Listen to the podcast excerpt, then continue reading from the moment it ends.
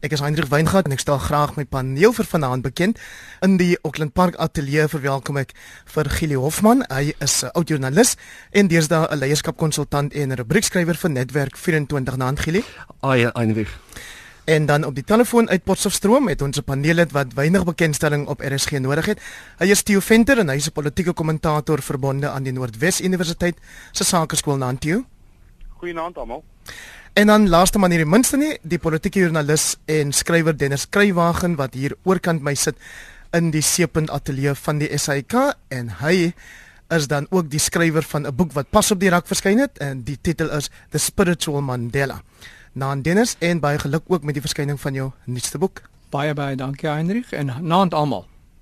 Nou kollegas, ons land se nuwe openbare beskermer, advokaat Bosisiwe Mqobani, het maandag in haar pos begin en seker gemaak Theo Venter dat sy haarself van haar voorgangers skei met 'n paar uitlatings wat die wenkbroue laat lig het. 'n Kat is in die duiwelhok losgelaat reken ek, is dit 'n raakbeskrywing van die advokaat se eerste week? Theo Venter? Ja, ek dink nie sy het 'n goeie eerste week gehad nie. Ek dink sy kon dit baie beter gedoen het.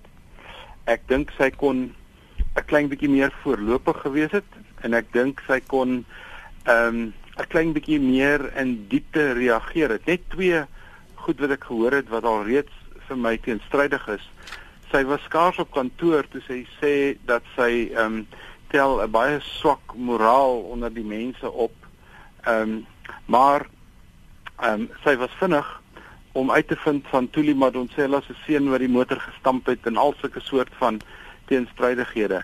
Ek is baie bekommerd. Ek sien rooi vlae opgaan en die die rooi vlae wat ek sien het eintlik al begin uh Hendrik met die CV's. Toe die CV's uitgereik is, het daar twee goed vir my duidelik gebleik. Die een was dat sy 'n belangrike pos by Departement Binnelandse Sake beklee het en toe vir 'n mindere pos gaan werk het by die Staatsveiligheidsagentskap en van daar af aansoek gedoen het vir die pos van openbare beskermer nadat sy van tevore reeds by die openbare beskermer gewerk het. En in die lig van al die gebeure oor die laaste 2-3 weke en selfs langer en die die hele storie rondom meneer Zuma en en wie ondergrawe vir wie was daai vir my 'n rooi vlag. En na hierdie eerste week is ek van mening dat ons nuwe openbare beskermer gaan dit baie moeilik hê om haarself te vestig in die volgende 7 jaar wat oor is. Dennis Kruiwagen Weet jy Hendrik, ek was by hierdie komitee vergadering in die parlement hierdie week. En ja, sy het nie op 'n goeie voet begin nie. Maar weet jy wat, ek dink dit was bietjie uh nie wys van haar om daai jaarlikse verslag te lewer nie. Ek dink dit moet aan die adjunk oorgelaat gewees het, want hy het geweet wat vooraf gegaan het en wat in die verslag uh, gestaan het. En toe stap sy daarin en sy het daar vasgeloop en vra waarvoor sy heeltemal nie uh, voorberei was nie, hmm. nie daai tipe vrae nie en sy moes dink op haar voete en dit antwoorde gegee wat vir haar lelik lelik uh in die sop laat behandel het. Maar ek ek hoop en ek het vertroue dat sy sal sy sal terugkom en op haar eie voete staan en wys dat sy miskien so goed soos Tuli Madonsela kan wees.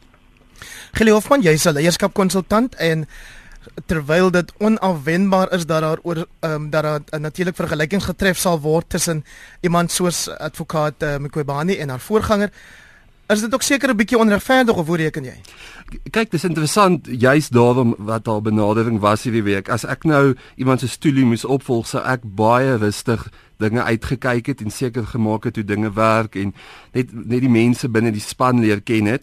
So om dadelik kritiek uit te spreek teenoor Tuli en om nie reg te wees vir die tipe vrae wat sy moes beantwoord nie soos wat Dennis nou gesê het maak dit sy dadelik bietjie kredietwaardigheid verloor het in die publieke oog en mense dadelik oor haar loyaliteite begin vra vra. So ek ek dink as 'n nuwe besem uh, lyk dit of sy vinnig wil skoonvee maar sy weet nog nie juis eintlik wat in die vertrek is wat sy moet skoonvee nie. So dis gevaarlik.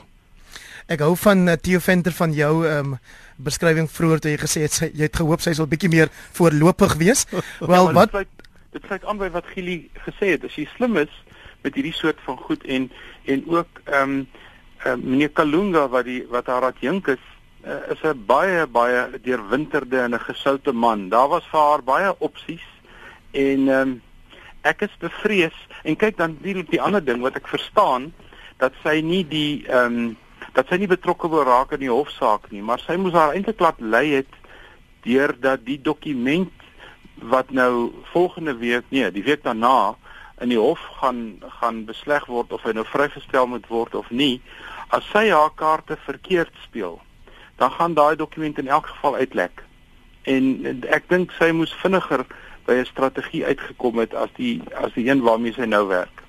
Dit lyk my dat daar is tog vra oor hoe geloofwaardig of hoe volledig hierdie verslag oor sogenaamde staatskaping is, Theo Venter. Theo?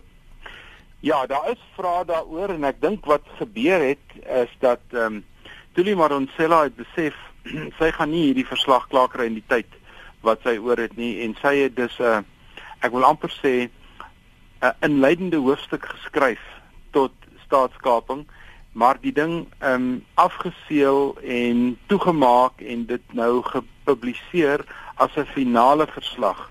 Met ander woorde, die voorstelle wat iemand so Jimmy Manye maak op die sosiale media dat die nuwe openbare beskermer kan nou die verslag weer open en so klein bietjie redigeer. Ek dink nie dis moontlik nie. Ek dink die verslag ehm um, bevat alles wat in die verslag moet wees en daar sal opvolgende verslae moet kom, maar ek dink nie dis moontlik om die bestaande verslag te verander as ek die proses reg verstaan nie.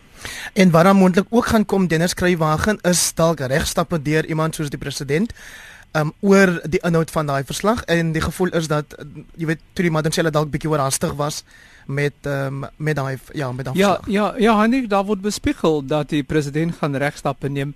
Mense sal onthou dat in die komitee vergadering hierdie week is daar gepraat oor daai verslag en mense wou gehad het die verslag moet vrygestel word en ek dink die openbare beskermer het daar gesê luister hier dit is onder slot en grendel as gevolg van dit wat die hof gesê het. Ek sien daar's bespiegelinge in die Sondagkoerante, die ene dit gesê, daai ene dit gesê. Ehm uh, maar as jy nie self die verslag onder oog gehad het nie, dan wonder jy wat daarin is. En hmm. as ek in die president se skoene was, jy weet, ek laat my nou terugdink aan wat Helen Zille destyds gesê het toe hy Mauritius toe gaan om 'n hof uh, ding daar te stop sodat hofverrigtinge wat daar plaasgevind het nie hier rapporteer kon word nie. Vra dieselfde vraag is as jy niks het om weg te steek nie, laat die ding uitkom. Mag maar ehm um, Dennis hier's nou vir my 'n 'n interessante vraag hier en ek stem met jou saam uh, Des van Rooyen gaan en hy trek sy ehm um, sy verklaring terug dat die verslag ehm um, nie gepubliseer moet word nie op grond van wat hy in sy persverklaring sê dat daar geen bevindinge teen hom gemaak word nie. Nou op aarde het hy insaan die verslag gehad. Absoluut, ek het dit hmm. gelees en ek gedink, wat gaan hier aan? Daar's 'n goeie ou Afrikaanse woord wat heet aspris. Het hy nou aspris hof toe gegaan om die ding te stop sodat sy hom nie kon uitreik nie en dat die ding maar nou net daar bly. Jy hmm. weet jy wonder oor die motiewe en en dan ja, jy jy wonder jy wonder baie oor daai motiewe en jy dink dis amper in Desember en dis 'n tyd vir verandering. Gile Hofman en nou is daar mense wat uh, miskynbaar vir die nuwe openbare beskermer wil sê waarop sy moet fokus en sy sê nee nee nee, ek gaan my eie prioriteitslys opstel. Ja, en dit dit gaan interessant wees want uit dit wat sy kies uit gemens dadelik weet uh is daar vir 'n sekere agenda opgestel voor sy die pos gekry het en gesê dit is waar volgens jy gaan moet werk. En uh ook ook hoe bevoeg sy is natuurlik hoe om daardie goed te ondersoek en wie se genade en en en. Net wat vir my interessant is ek wil net daar raak jy weet ek het vandag nie 'n rapport gelees dat die Gupta se prokureur Gert van der Merwe opmerkings gemaak het daaroor dat hulle nie vir die vir die ondersoek oor die verslag nader is en hulle graag betrokke daarbey sou wees So ek ek ek dit gee mense nogal insaag in hoe Tuli op die ouene dalk gevoel het want dit voel dit klink amper reg om te sê die Guptas moes geondervra gewees het maar sy was so teen tyd dit was of daar 'n groot klok oor die land gehang het en almal het die minute afgetel tot Tuli se laaste minuut en sy het so probeer om daai ding uit te kry. Ehm um, so ek dit sal interessant wees om te sien hoe hoe die nuwe beskermer aangaan daarmee uh dalk deegliker gaan wees en of sy heeltemal net haar agenda van die begin af gaan volg. Theo Venter, is dit nie maar ook so dat advokaat Madoncella self die verwagting geskep het dat sy hierdie verslag wil uitbring voordat sy haar termyn of voordat haar termyn tot einde kom nie? Ja, sy sy het dit sy het dit gedoen en ehm um, toe het sy 'n baie oulike ding gedoen. Ehm um, onthou sy kon op die laaste Vrydag van haar amp kon sy die verslag eintlik vrygestel het want daar was toe geen wettige beperking op die vrystelling van die verslag nie. Maar wat sy gedoen het in die gees van die van van die rule of law van regsoevereiniteit ehm um, het sy gesê maar wag daar kom 'n saak hier oor. Ek gaan eerder terughou as wat ek ehm um, nou die die die die verslag gaan ehm um, vrystel. En toe gooi sy sommer op die koop toe 'n knippel in die hoenderhok in die parlement deur die ding vir Baleka Mbete te stuur en sy soos 'n wafferse vrystaatse senter die bal toe reguit na na links toe aangee tot die verdriet van ons blou bulle en 'n 3 gaan druk by Jackson Mutembo wat uh, natuurlik hierdie week weer nuwe politiek veroorsaak het maar dit nou daar gelaat sy kon dit doen maar sy het gekies om dit nie te doen nie. Dennis skryf wag aan die feit dat sy verkies het om dit nie te doen nie of gekies het om dit nie te doen nie. Eh, sou dalk ook kon dui daarop dat sy self haar bedenkinge gehad het oor die ek wil amper sê die die die regsgronde of die of of jy weet tot hoe mate die verslag sou kon staan as dit getoets word in die hof. Heinrich ek stem saam, maar ek dink eh, ek dink sy was bekommerd dat sy nie genoegsame tyd en aandag daarin bestee het nie. Ek dink dit dit is 'n groot probleem daarso. Ek dink daar is 'n paar by 'n paar mense wat sy graag wou uit wil gekom het en ek dink die president het daag gepoetjie het beloof, beloof, beloof en op die einde het hy nie sy beloftes nagekom nie. Uh, om terug te keer na haar opvolger. Uh, kyk haar opvolgers hierdie week het uh, Floyd se Wambo vir, vir haar uh, die Levite voorgeles en gesê ek het gehoor in die SAIK jy sê jy gaan nie meer hoë profile of minder hoë profile doen nie, maar dit is wat die wet sê en het die wette vir aangehaal en gesê jy sal elke uh, uh, um, klagte wat jy ontvang, sal jy moet ondersoek of afhangende van wat dit is, dit maak nie saak nie. Jy sal dit ondersoek en ek dink sy daar daartoe onderneem alles wat na kan toe kom sal sy ondersoek. Theo Venter het vroeër verwys na die ongeluk waarby of waarin advokaat Madonsela se seun betrokke was in 2012 Gili Hofman. In daai botsing ek weet ek weet nou nie hoe jy skade van 750 000 rand aan 'n voertuig staatsvoertuig aanrig nie maar dit is tog sekerlik nie iets wat 'n mens maar net moet soort van van vergeet nie. Wat hoe reken jy? Nee ek ek sou hoop sy dit reg hanteer. Uh, ek dink die laaste jare wat was sy bietjie onder vuur ook geweest met haar dogter wat by Tikkie se sekretaris is van die EFF se studente tak en uh, is sy baie uh, tussen die tussen die ongeluk en haar dogter se politieke aktivisme op kampus is sy baie um, gevra oor hulle. So ek ek sou dink sy dit reg hanteer. Uh en en hopelik het sy maar as sy nie het nie dan sal sy natuurlik dan na die gevolge daarvan moet dra. Weet jy sy het later 'n verklaring uitgereik en het gesê daai saak is tussen en die ouditeur-generaal opgelos.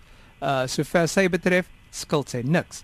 Uh so ek dink toe daai vraag gekom het in daai komitee vergadering moes ehm um, daar opvolger moes dit beantwoord, maar ek dink nie sy het al die inligting tot haar beskikking gehad nie. So as ek vir Tuli Boudenselle reg verstaan en sy is iemand van integriteit, is die saak opgelos. Theo Venter is dan vir enige iets in die optrede of uitsprake van die nuwe openbare beskermer wat jou bietjie meer hoop gee, dalk die feit dat sy sê daar moet minder konsultante gebruik word of dalk die die die feit dat sy sê die die titels van hierdie verslag wat die kantoor uitreik met minder sensasioneel wees? Nee, nie een van daai goed is vir my. Ag, ek het nou so hard probeer. ja, nie een van daai goed is regtig vir my baie belangrik nie, want ek dink twee of drie van die opmerkings wat sy gemaak het was in elk geval uit onkunde ook. Ehm, um, maar wat vir my wel belangrik is en wat vir my positief is, is dat as 'n mens die wet gaan lees oor die openbare beskermer en mens gaan kyk wat die rol is van 'n ombudsman wat maar dieselfde soort pos is in ander lande, dan is dit om die klein ouetjie te beskerm teen die regering. En wat dit aanbetref, as dit haar fokus is, het ek nie 'n probleem daarmee nie want dit is in werklikheid wat 'n openbare beskermer doen. En dit is om vir my en vir jou te beskerm teen 'n staatsdepartement wat nie sy werk doen nie of 'n provinsiale regering of 'n munisipaliteit of so iets. Matteo, hy nie bietjie meer as 'n ombudsman nie? Ek bedoel die die die die aanbevelings wat sy maak.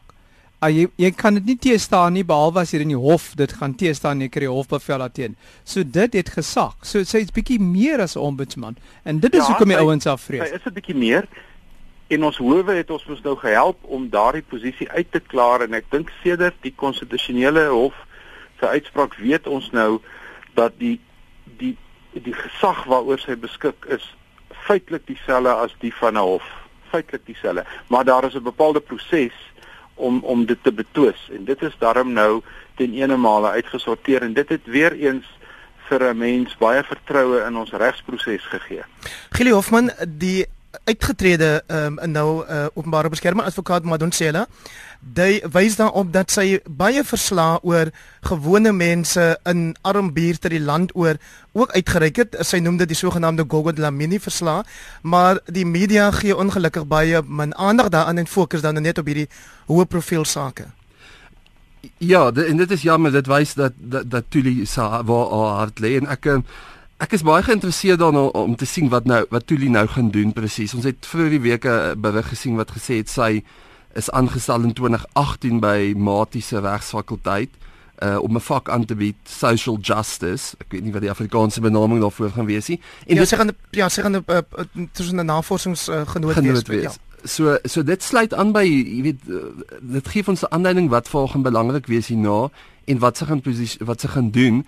Uh ek wil ek sal net van die van 'n leierskap oogpunt wou sê dis vir my interessant dat daar nie 'n uh, oorhandigingsproses was tussen haar en haar opvolger waar waar hulle dalk 'n maand lank in dieselfde kantoor gesit het en net met mekaar kon praat en vra en terugverwys. Vir kontinuïteitsdoeleindes dink ek dis nogal belangrik. En uh, ons het ons het hierdie week nou uh, as ek nou kan voortbrei op Theo se aanmerking oor die die die die aangee na links toe na die vleuel toe en die die drie wat gedruk word maar uh, kontinuïteit en leierskap is so belangrik in die, en Adam Alice het gesê hierdie jaar dit hard agter gekom en met hierdie week se afrigters in Daba wat Saru gelei het het ons nou gesien hoe hoe moeilik dit is om in 'n nuwe posisie in te gaan en jy nie presies weet waarmee jy gaan werk nie en jy jy weet nie presies wat jy gaan moet doen nie. En nou het hulle uh om om bemagtig met nuwe ervare spelers uh, afrigters wat hom gaan kan help met iemand soos Franco Smit um, en JP Ferreira van die Lions en Louis Koen as 'n 'n skopafrigter Dis eintlik iets wat hulle van die begin af moes gedoen het, proaktief gewees het in in, in terme van Tuli se se oorgang en haar opvolger sou ek gedink het hulle met dieselfde dalk gedoen het. Ja, ongelukkig het dit te laat met hierdie proses begin nê. En, en dis 'n kenmerk van die regering as mense vervang moet word, wag ons ter 11de ure en dan word die proses aan aan, uh, aan die gang gesit en wanneer daai oorhandiging uh, tydperk kom, is daar nie tyd nie want dan het iemand soos die president en Des van Rooyen wat jy hof toe sleep en die Vrydag wat sy beoog het om te gesels met uh, Mekobani toe moes hy in die hof verskyn en het sy 'n perskonferensie gehad. So dis ja, dis dis net dis net swak 'n uh, 'n uh, uh, reëlingstref. Jy luister na kommentaar saam met my Hendrik Weingart en my paneel vanaand. Die laaste stem was die van Dennis Skrywagen, hy's 'n joernalis en skrywer en dan het ons ook op die foon vir Theo Venter, politieke kommentator van Noordwes Universiteit se Sakeskool en vanaand vir die eerste keer um, op die paneel Gile Hofman wat 'n uh, leierskapkonsultant is en ook 'n rubriekskrywer vir Netwerk 24. Nou kollegas, ons het nou na president Jacob Zuma verwys en daar's ook baie woelinge Theo Venter vertel die Sondagkoerant ons binne die ANC sentraal hier binne staan die man met die naam Jackson Tembo wat die hoofsweep van die party is. Ja, absoluut. Die uh, die tempo van politieke gebeure oor die laaste so wat 'n maand na die 3de Augustus is is eenvoudig ongelooflik. Ehm um, gewoonlik as 'n mens 'n verkiesing gehad het soos die 3de, dan het jy so 'n week of 3 om so 'n bietjie oor die verkiesing te dink en en 'n paar oordentlike goed te skryf of te sê. Ons het skaars 'n week gehad toe breek wel, mens kan dit seker maar op 'n Sondag sê toe breek al die hel los hm. met um, met Pravin Gordhan. En van daar af aan is elke dag, elke tweede dag is 'n nuwe saak en soos wat ons hier praat vanaand gaan die volgende 2 weke net so intens wees as wat die afgelope week was, maar een van die groot veranderinge wat ek raak sien op die oomblik is dat die caucus van die ANC is staat as ons praat van die caucus van die ANC dan is dit die parlementêre caucus met Jackson en Tembo wat nou eintlik so half en half die die koorleier is van daai ehm um, van daai ehm um, groep. En ons moet onthou dat Cyril Ramaphosa is wel 'n deel van die parlement terwyl meneer Zuma nie is nie en hy is die hoof van die politieke afdeling van die ANC in die parlement en Jackson Ntembu is eintlik die die man wat almal bymekaar moet hou en ek het gesien rondom die gesprekke wat gegaan het oor die SAIK en Sladi Motsoeneng en ook in 'n mate die die portefeulje gesprekke wat gegaan het rondom die nasionale vervolgingsgesag asof die uh, die caucus 'n klein bietjie hulle rug stywer maak. Waarskynlik as gevolg van uh, Nkandla en waarskynlik as gevolg van die die die die skok-effek van die uitslag van die verkiesing en ek dink hierdie gebeure oor die laaste week. Nou was twee goed wat belangrik was. Die een was hoe moet die verslag gehanteer word van Tuli Madonsela? Jackson en Tembo het 'n sleutelrol daarin gespeel. En die tweede ene was dat hy sommer nou uit die bloute uit sê dis miskien tyd vir die nasionale uitvoerende komitee om sommer te bedank want hulle doen nie hulle werk nie. Ek dink hierdie hierdie is 'n skok op die gestel van die ANC in die breë. Om Trent Negeli Hofman as een van die topleiers van 'n party sê, van die regerende party sê, hy reken die hele topstruktuur van die party moet hulle bedankings indien. Ja, en ek dink ek dink hy verwoord dalk wat baie ander voel en net te bang is om te sê en uh, dis interessant altyd vir my om te sien hoe hoe, hoe lank vat dit vir Cyril Ramaphosa om uit te kom en om iets te sê. En hy hy, hy het in terme van Pravin bietjie langer gewag ook om sy stem dik te maak. So daar's definitief woelinge. Dink ek dink Theo is reg die verkiesingsuitslae was definitief vir hulle 'n groot skok en hulle weet dalk nog steeds nie hoe om sin daarvan te maak nie en dat uh, iemand soos Jackson wat nou in die parlement baie magtig is so iets sê mens mens moenie dit te lig opneem nie. En dit speel vir my ook op 'n op 'n ander plek uit jy weet as ons ons gaan dalk 'n bietjie later daaroor gesels oor die potensiële onttrekking aan die internasionale kriminele hof. En en baie mense wat sê maar so iets moes deur die parlement goedgekeur gewees het. En die die hoofregsadviseurs vir die staat sê nee dit is die dis die die president se volste reg om alleen daai besluit te maak So hy hy weet dalk as hy so iets parlement toe gevat het en en die woelinge wat tans daar in die gang is, dan sou hy nie die vol, volle ondersteuning gekry het vir so skuif nie wat wat baie verdag lyk op hierdie stadium. Dit is kruiwagen en dan is dit so dat um, midde in alles hierdie is daar die, die meningsverskille binne die ANC self ook oor die geval Pravin Gordhan oor die bedrogklag wat nou teen hom ingestel is. Ehm um, in hierdie week uh, gaan die minister dink ek groot in die nuus wees um, omdat hy die mediumtermyn begroting ehm um, gaan voorlê aan ons en volgende week gaan hy ook in groot in die nuus wees wanneer hy dan nou met hof toe gaan vir hierdie bedrogklag. Dis inderdaad so Heinrich. Ek dink net by by Jackson vir 'n minuut of twee stil staan. Jy weet die die vorige van die vorige hoofsweepe het nie daai kaliber van leierskap of status in die party self nie. Onthou Jackson het in 94 parlement toe gekom. Hy was nog lid van die ou senaat. So hy het diep spore in die ANC getrap. Uh hy is 'n gerespekteerde ou. Hulle sal nie met hom kan maak soos hulle met Stones en Zani gemaak het en gesê okay, hier's ambassadeur uh posie vir jou en dan is hy weg nie. Hm. Dit gaan nie met Jackson gebeur nie. Dit is ook 'n feit dat Jackson het daar vir die ANC caucus gesê, julle hoef julle te skaam en julle het julleself in die voet geskiet met uh, wat julle oor Nakandla gedoen het. Dit wys die durf van die ou. Met die portefeulje komitee uh, komitee uh, oor kommunikasie op 'n tyd het hulle verslaai die Motsoeneng met met met sagte heinskwinkies uh, behandel. Met Jackson daar is daar verandering en daar is besluit dit is wat ons gaan doen en ons gaan ontslaa raak van die huidige raad van die SAK. Soos hulle in Engels sê, it's a different ball game. Jy kan nie meer in Letuli huis sit en sê dit moet gebeur en dat moet gebeur. Daar is nou 'n leier in die parlement wat optree sê soos 'n leier. En onthou, elke ou, ongeag van watter party daai persoon is, gaan parlement toe omdat die leierskap van die betrokke pa, uh, party vir hom of haar parlement toe stuur. So hy kan herroep word. So as Jackson doen wat hy nou gedoen het, hy wys daar is nog mense van durf in die ANC. Op 'n tyd het 'n mens met jou in jou hande in die hare gesê gesê wat gaan aan? Waar is die mense van beginsel? Hier het Jackson dit gewys en hmm. verder gegaan as enige ANC leier voor hom. Die venter en dan is daar 'n impakspeler uh Kebi Mapatsu wat die MK militêre veterane verteenwoordig. Hy sê dis dalk juis tyd vir Jackson Tembo om te bedank. Ja, hy sing weer in 'n ander koor. Hy sing in die koor van die jeugliga en van die ehm um, soos jy dit reggewys het die veterane en waarskynlik in dieselfde koor wat die vroue liga ook sing.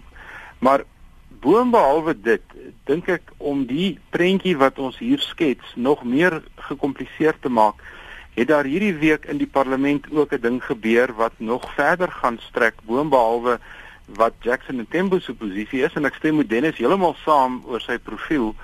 En dit is die terugkeer na sy werk toe van Robert McBride het skielik nou spanning veroorsaak tussen die speaker Baleka Mbete wat nog altyd gesien is as 'n soort van 'n persoon wat baie lojaal is aan die president. Mm -hmm. Maar skielik word sy nou gekonfronteer met 'n baie gekompliseerde situasie dat die dat uh, McBride moet terugkeer na sy werk toe.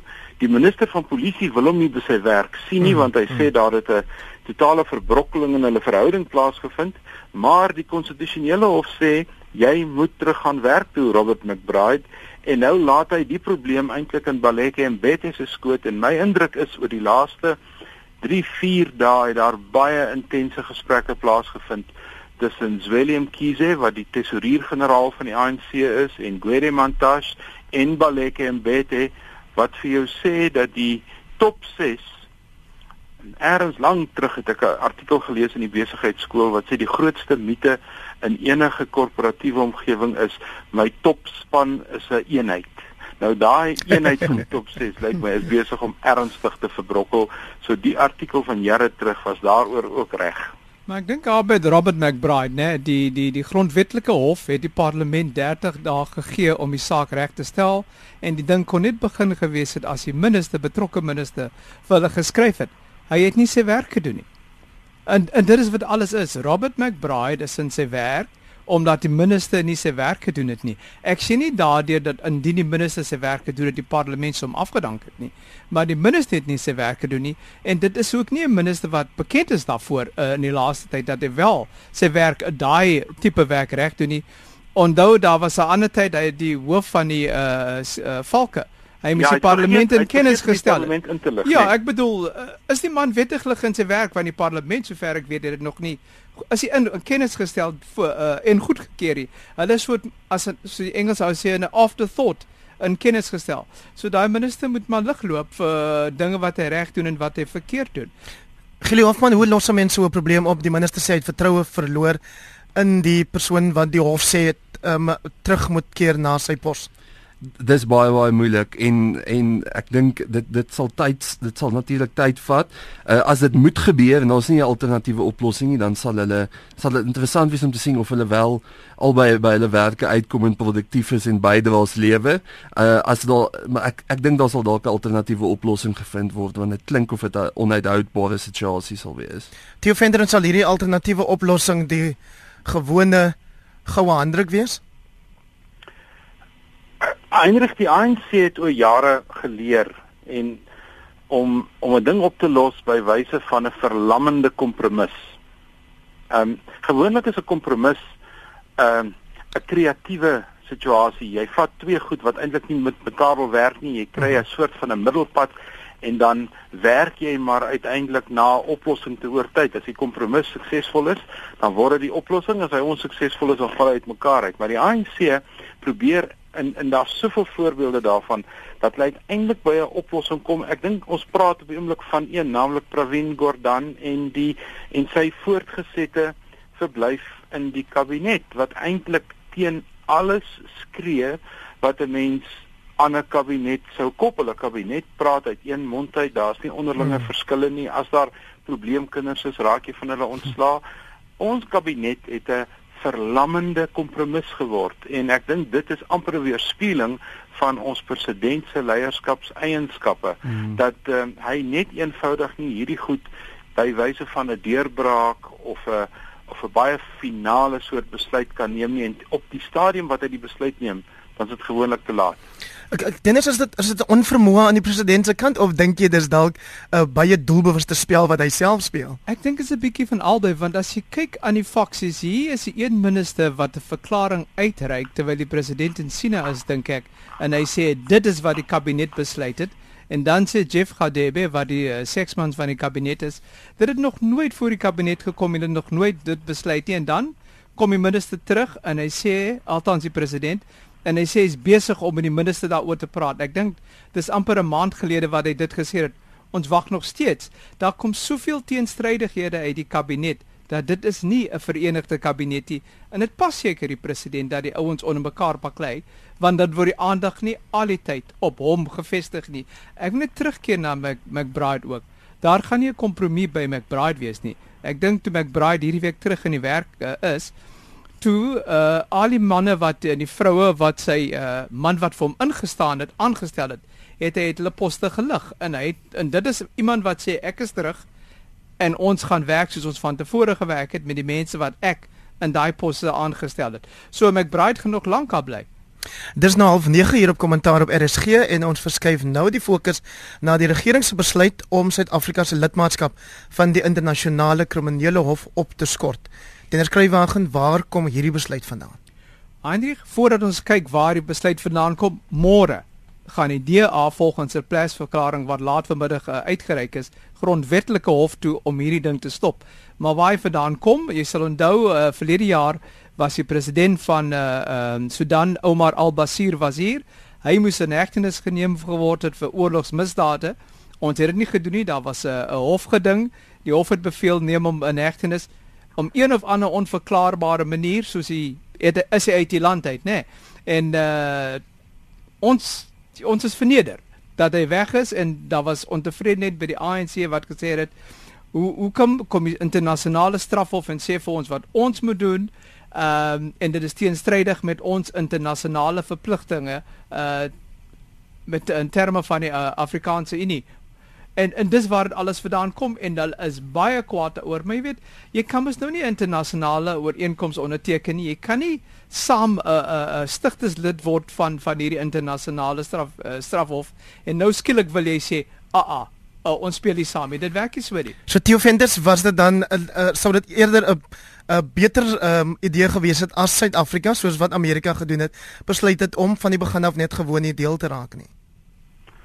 Ja, ek hoor wat Dennis sê. En, en die heel belangrikste beslissing wat die hof gemaak het was nie alleen dat ons ons verpligtinge in terme van die verdrag van Rome nie nagekom het nie ons tot eie wetgewing oortree. Want ons het nadat ons die verdrag geteken het het ons dit in ons eie wetgewing gaan inkorporeer. En wat ons gedoen het was om dit nie na te kom nie. En ek uh, Amerikaners het 'n ander rede daarvoor maar 'n belangrike punt wat jy noem dat Amerika nie deel is van die verdrag van Rome nie. Maar ek dink die redes wat Masuta aanvoer dat uh, voortgesette deelname hieraan maak dit vir ons moeilik om ehm um, konfliksituasies in Afrika te help bereg of te besleg of te fasiliteer wat natuurlik bog is. Want ons het dit gedoen in Rwanda en Burundi en al die tye terwyl ons 'n lid was van die van die van die verdrag van Rome en op 'n hele klomp ander plekke en ons is betrokke by vredesoperasies. So nie een van daai goed is eintlik 'n geldige rede nie. Ek dink hierdie is maar net eenvoudig die groot verskil tussen Thabo Mbeki en en en Jacob Zuma. Thabo Mbeki het 'n baie sensitief groot sensitiwiteit gehad vir die vir die politieke spel in Afrika en wat jy kan doen en wat jy nie kan doen nie. Terwyl reg van die begin af, die heel eerste ding wat gesneuwel het toe Jacob Zuma president geword het, was die sogenaamde Afrika Renaissance. En julle sal onthou in die Thabo Mbeki presidentskap was dit een van die trefwoorde wat mens weekliks gehoor het mm. in groot konferensies. Dit het heeltemal verdwyn. Dis heeltemal uit die uit die uit die politieke gesprek in die ANC uit. En uh, ek dink dit is ook waar die waar ons verpligtinge ons dop hier 'n morele toets mm. eerder as 'n toets in internasionale reg as jy my vra. Gili Hofman, dan gaan dit ons dalk weer 'n muishond maak in die internasionale gemeenskap. Ek dink ek dink ons gaan definitief baie kritiek kry en dit sal my my vraag is net wat gaan ons doen as daar ernstige internasionale misdade gepleeg word of oorlogsmisdade gepleeg word waarby ons betrokke is. Hoe gaan ons hoe gaan ons daai goed hanteer as ons nie meer deel is van daardie hof nie? En wat wat interessant is, weet, ek dink op die op die kontinent is iemand soos Kenia as 'n groot kritikus van van die internasionale ehm um, strafhof en ons president was net so 10 dae terug in Kenia gewees. So ek wonder of daar nie ook 'n verband te trek is tussen daardie twee voorvalle nie.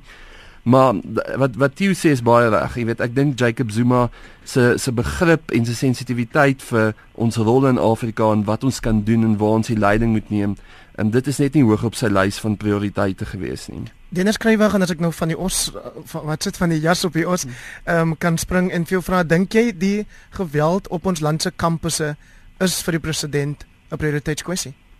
Dit lyk nie so nie. Mm -mm. Uh, dit dit dit lyk nie vir my so nie. Dit het lank gevat om betrokke daarbey te word en dit gaan nog steeds aan. Dit smeel en dit dit gaan nog steeds aan. Dit dit bekommer vir my dat 'n handjie vol studente om wat ook al, watter redes ook al, uh universiteite en miskien die land uh uh so terroriseer en daar word niks gedoen nie en dan is daar hierdie hierdie houding die studente sê nee, ons wil die die polisie op die kampus hê, die want die die die polisie lok ons uit en jy dink, ag, bog man, sodra die polisie hulle plekke hulle rug op julle draai, dan plunder hulle. Dit is op hierdie tyd wat jy iemand het wat sê, luister, ons wil graag met julle praat, maar dit wat julle doen is onaanvaarbaar. Die wat verkeerd is, de, hulle gaan gearresteer word, dit gaan deeglik ondersoeke wees. En dis dis die tipe leierskap wat jy wil sien. Toe vind ek sien dat eh uh, Mampela Rampile skryf vandag in City Press dat ons het in Engels hier we need an emotional settlement 'n uh, emosionele oplossing vir wat tans op die kampusse gebeur. Ja, en ek stem met haar. Ek is met dit daar roerend eens en ek wil aansluit by Dennis. Dis die totale gebrek aan leierskap op 'n nasionale vlak wat onder andere ook hier ter sprake is. Onthou hierdie studente onder is is baie divers en dis vir elke kampus 'n klein bietjie verskillend. Daar is miskien een groot streep wat jy daardeur kan verf, maar dan het elke kampus Stellenbosch, UWK, Potch, ehm um, Mafeking, Tikkies, almal het 'n ander agendaatjie en daai agendas moet jy ook verstaan, maar wat jy bo oor alles nodig het, is leierskap. En een van die swakste leiersbesluite was om 'n komitee saam te stel van die kabinet om dit te ondersoek en nie as die minister van finansies te betrek nie. Ja. Hoe hoe dom kan jy wees? Die probleem is finansiëel. Die die die rol wat die polisie en die veiligheidsdienste moet speel is 'n interim rol. Dit is om die situasie te kalmeer. So vir my lê die groot probleem dat ons het hier 'n groot generasie gaping tussen die studenteleiers en die politieke leiers van die dag. Daai gaping moet oorbrug word en dit oorbrug jy net deur gesprek en sinvolle leierskap en goeie leierskap en ek is bevrees op die op die nasionale vlak is daai leierskap afwesig. Gili Hofman? Ja, ek ek stem saam met jou. Ek dink hy ek dink hy hy hy, hy wys hulle groot guns deur te verwys na hulle studente leiers want ek dink op hierdie stadium kan mense nie eintlik hulle dit noem nie. Hulle dis dis 'n minderheid wat militant is in hulle optrede amper eintlik anarchisties is. Ja. En ons is lankal nie meer besig met feesmas vol nie. Ek dink dit is dis amper 'n 'n poging om te sien hoe ver kan ons op kampusse gaan uh en en hoe kan dit uh, jy weet as 'n toets gebruik word vir wat ons in die res van die land kan gaan doen.